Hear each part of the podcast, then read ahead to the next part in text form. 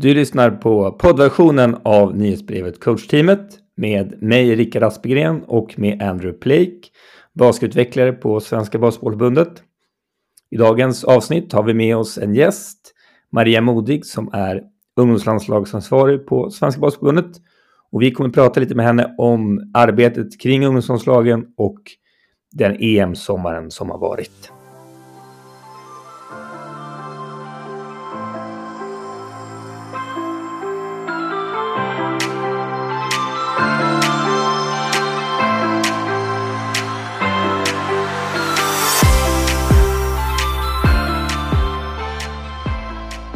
Välkommen till podden Maria. Eh, du kan väl först bara berätta lite kort om, om dig själv. Ah, kul, tack för att jag fick vara med. Ja, men Maria heter jag och tillträtt som ungdomslandslagsansvarig sedan våren 21. Eh, så det här var min riktiga landslagssommar som jag har varit med om. Tidigare så, mitt förra arbete jobbade jag på RIG Luleå, var ansvarig över verksamheten där sedan 18 år tillbaka. Eh, jobbade både som verksamhetsansvarig och instruktör. Härligt. Och om vi skulle liksom kasta oss in i det direkt sådär. Vad, hur ser du på den gångna landslagssäsongen eller året?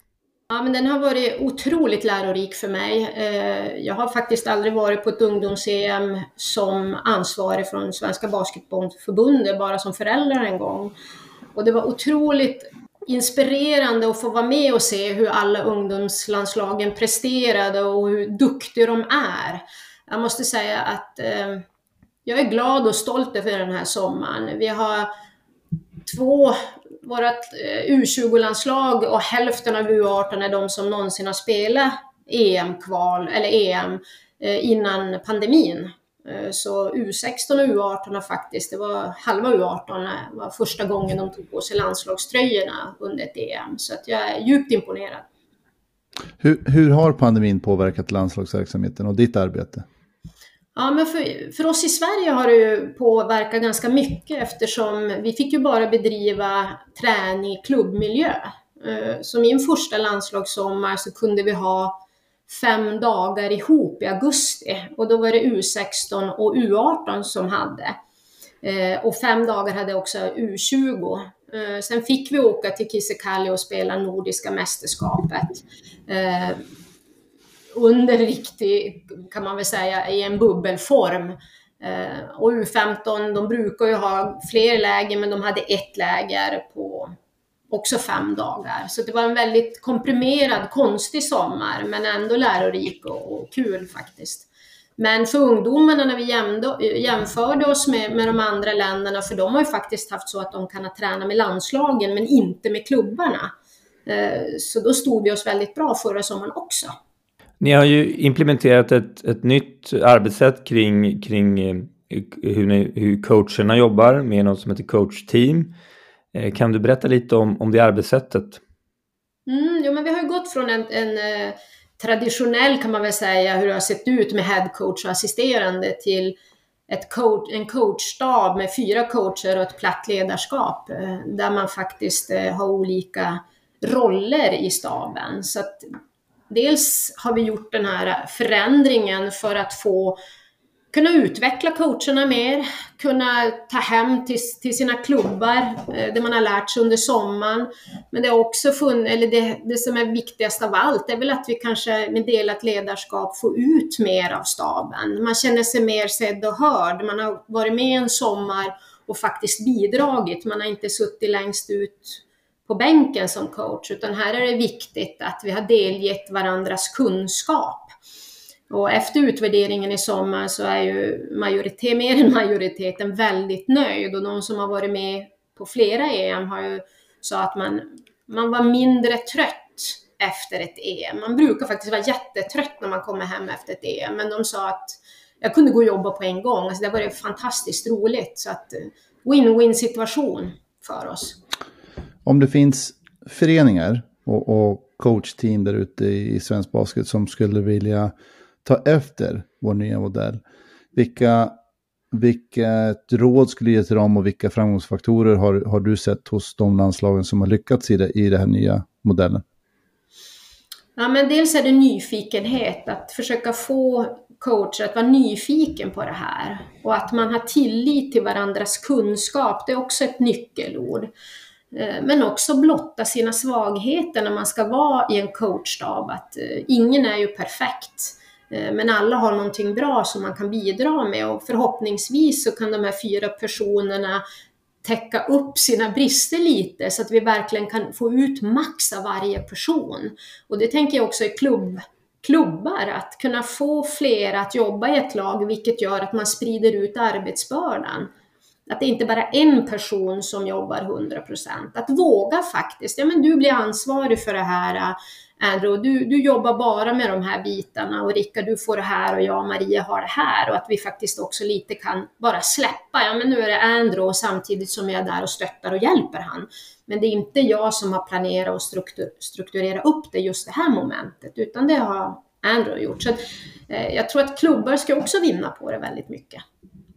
Vad har du sett för utmaningar, alltså de, de största utmaningarna för de grupper eller våra coachteam? Ja, men det, dels har det varit, och det har alla coachteam också sagt, att det, det är tiden till att börja med. Att det kräver lite mer tid att sitta och diskutera basket och sitta och diskutera eh, den trupp som man har tänkt ta ut. Att, hur ser spelarna ut? Hur ska vi spela? Bolla idéer och, och, att jobba med människor tar ju tid. Att skapa relationer, det är inget som man gör bara på man tar en kaffe över lunchen, utan här handlar om att så, våga blotta sina svagheter i den här konstellationen. Eh, så det är många, alltså respekt, nyfikenhet och tillit, alltså det är så här eh, värdeord som jag tar med mig och jag jag har redan börjat brainstorma i vad, vad, hur kan roll, roller se ut inom basket? För att alla de här eh, staberna har helt olika rollfördelningar och vad rollerna innebär. Och det är det som är helt fantastiskt. Hur, hur om vi liksom ser till landslagsverksamheten, ungdomslandslagsverksamheten i stort, vad, vad är liksom det primära syftet med den? Vad, vad jobbar ni mot? Vad är, vad är viktigt i, i, i din roll och i den verksamheten som du leder? Ja, men min, det, det, som har varit viktigt inför det här året, det, det har bland annat varit att, att implementera våra värdegrunder, vara, växa och vinna. För landslaget är en verksamhet där man verkligen ska kunna vara den man är. Man ska inte behöva vara någon annan. Och, och det blir ju att man, man växer som människa. Och vi har ju, kan man säga då, vi har ju allt från U15 upp till U20 och vårt U15-landslag, det är ju ett utbildningslandslag. Eh, vi tittar på många, vilket jag tycker är otroligt viktigt. Vi måste ha en bredd i Sverige. Och U18, eller U16 och U18, det är ju våra utvecklingslandslag. Alltså vi ska utveckla spelarna där. Vad är det som krävs för att nå internationellt eller att bli eh, basket, alltså få eh, arbetet basketspelare? Och U20 är ju vårt prestationslandslag. Vi, vi använder ju vi använder begreppet, eller vi pratar rätt ofta om att eh, vår landslagsverksamhet är en reflektion av eh, våra föreningar, föreningsbasketen. Kan, kan inte du utveckla och förklara det begreppet eller det tänket lite grann för lyssnarna? Mm, ja, men det kan man väl säga ganska, vi, landslagsverksamheten är väldigt begränsad skulle jag säga. Att de som är med i ett U20-landslag, de har ungefär 20 dagar ihop. Och då är det faktiskt 11 dagar som är EM i de 20 dagarna. Så man har inte så jättemånga dagar på sig att bygga upp det här. Så spelarna, eh, det basket de kan, det är det vi ska använda oss av. Vi kommer inte kunna utveckla dem särskilt mycket, utan här handlar det om de andra färdigheterna, att få ihop det socialt, mentalt, att jobba med gruppen åt samma mål. Eh, och det är det är inte något annorlunda än mot U16 och U18 för där, vi har fler dagar men det är faktiskt inte så många dagar. Jag tror att årets landslag är 34, 31 och 34 dagar tror jag det är för damer och herrar U16 och U, eller U18.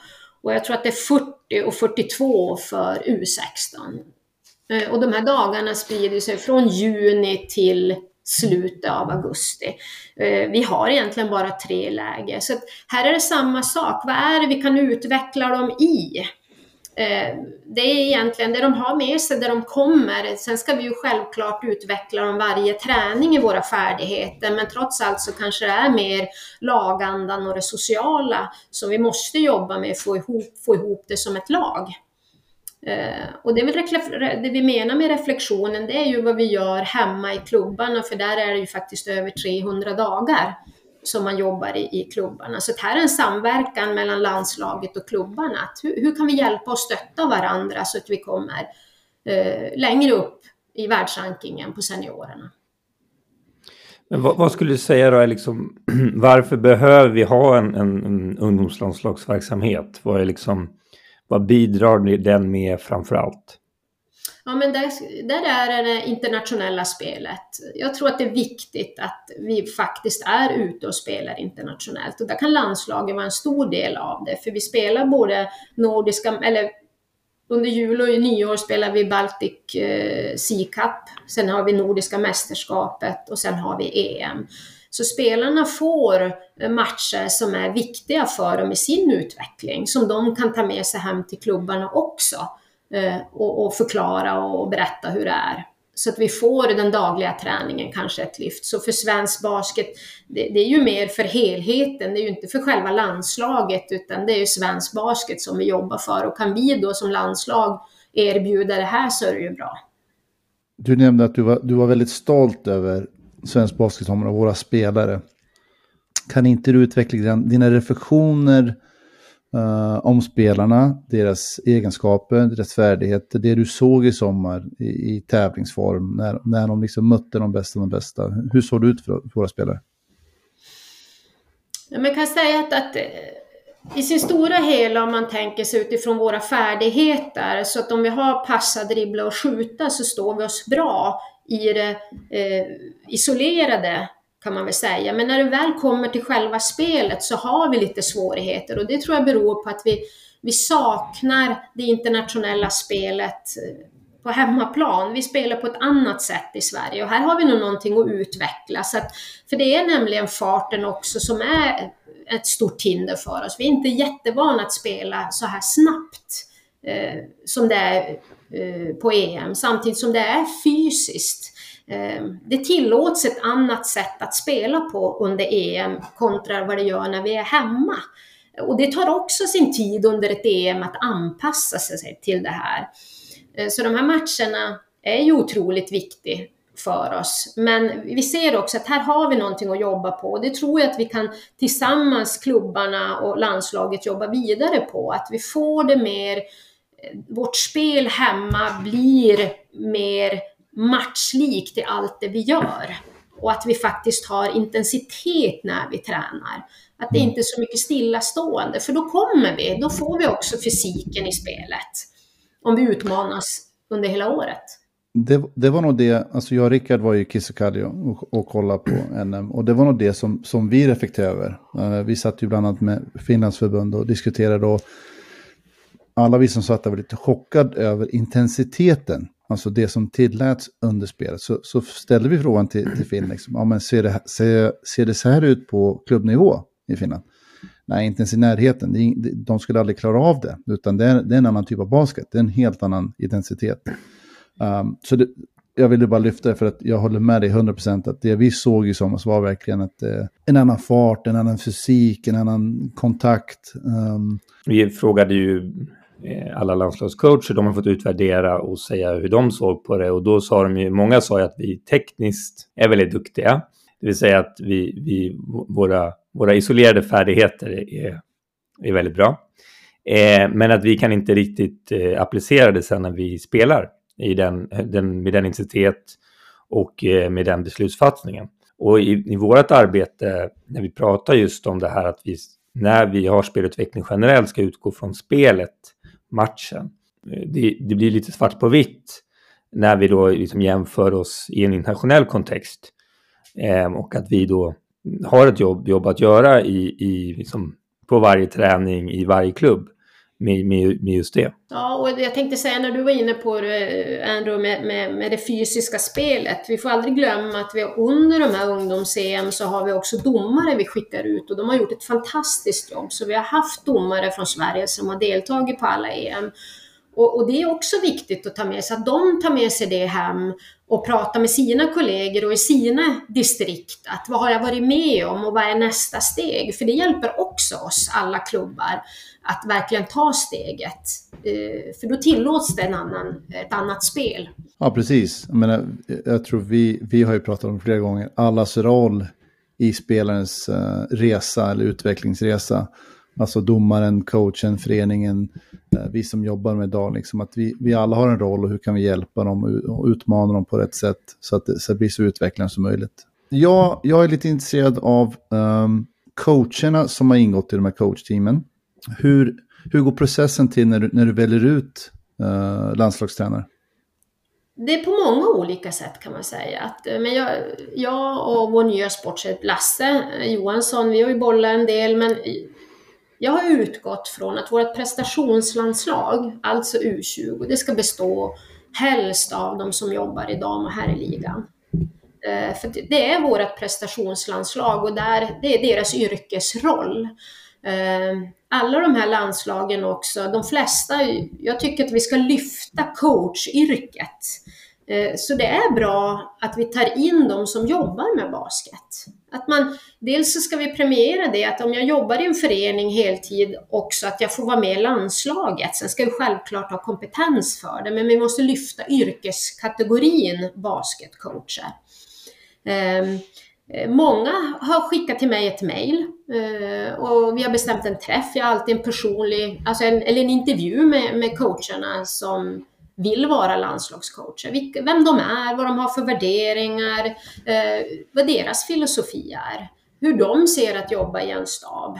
Eh, och även om man kanske inte kommer med den här sommaren så finns man på mina listor.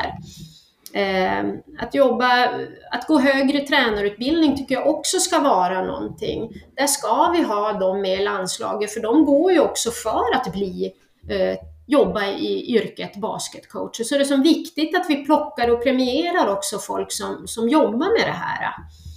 Ehm, om man tänker sig U15 som är mer en kartläggning om vi har, där, där är, är det faktiskt också lite regionerna som styr. Jag tycker det är viktigt att vi sprider basketen i Sverige, från norr till söder, för att kunna titta på det här.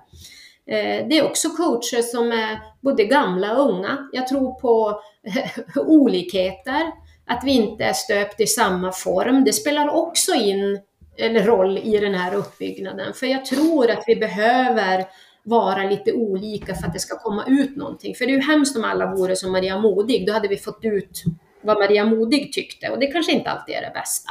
Men någonstans hitta konstellationer för att vi ser på basket på olika sätt om jag är 22 år eller om jag är 50. Och inget är rätt eller fel, men vi kan bolla idéer som blir det perfekta. Men det är också ett system det här som, som tar lite tid. Så det är viktigt också att ha någon slags Eh, Eh, stomme av coacher som finns kvar för att det här är ingenting som, som man bara gör utan man måste också få jobba i det. Så några eh, staber kommer att inte riktigt vara kompletta till nästa år, men några kommer att fortsätta. Dels har de hittat en linje med varandra och då, det, då ska vi inte heller byta ut dem. Utan det finns många olika. Jag har, I år har jag ringt runt till, till de större klubbarnas sportchefer också hört vad har ni för någonting i er klubb som ni vill nominera. Jag tycker det är viktigt att vi får Eh, relationer till klubbar, eller jag får relationer till klubbar där ute. Eh, och att de vågar höra av sig till mig att ja, men nu, nu känner jag att den här personen skulle vi gärna se någonstans. Eh, sen kanske man inte får in det det året, men kanske året därpå. Men att skapa de här kontakterna, för mig är relationer otroligt viktigt. Om du skulle liksom, du har ju gett lite sådär medskick, men om du skulle ge några liksom allmänna medskick både kanske till klubbar i stort och till till, eh, till coacher, eh, vad, vad, skulle det vara? Ja, men till, till dels till klubbar, att vad, vad är det vi ska stå för? Vad, vad är våran utvecklingsplan? Att verkligen också implementera vårt nya ramverk. Att våga ringa till er två, kan ni komma och hälsa på, på oss och, så vi får jobba med det här? För jag tror, eller jag vet, att förändring tar tid. Så att vi måste jobba med det så att vi får in det hos klubbarna, vilket gör att det blir en vana hur vi tränar. Eh, och våga också på något sätt att göra träning jobbigt. Eh, våga tänka annorlunda. Eh, coacherna gör inte det vi alltid har gjort, utan våga förändra varje år. Till alla landslagsstaberna, så här, ta med er det här nu. Det vi har suttit och pratat om vad vi behöver utveckla, det, det är faktiskt ert ansvar att göra det när vi kommer hem. Alltså ni är en jättestor del till att vi kan göra nästa steg. Det är nämligen 36 coacher som har in, eh, varit i, i landslagsverksamheten i år. Vad tar jag med mig hem och förändrar för att få nästa steg? Det, det vi alltid får göra efter varje år. Det har jag suttit och gjort nu. Vad, vad är nästa steg med det, eh, nästa års stabsarbete och landslag? Det är ju hela tiden utveckling som det handlar om. Inte stanna still och, och, och titta och klappa sig själv på bröstet, utan nu är det nästa steg. Vad ska vi utveckla och vad ska vi ta med oss?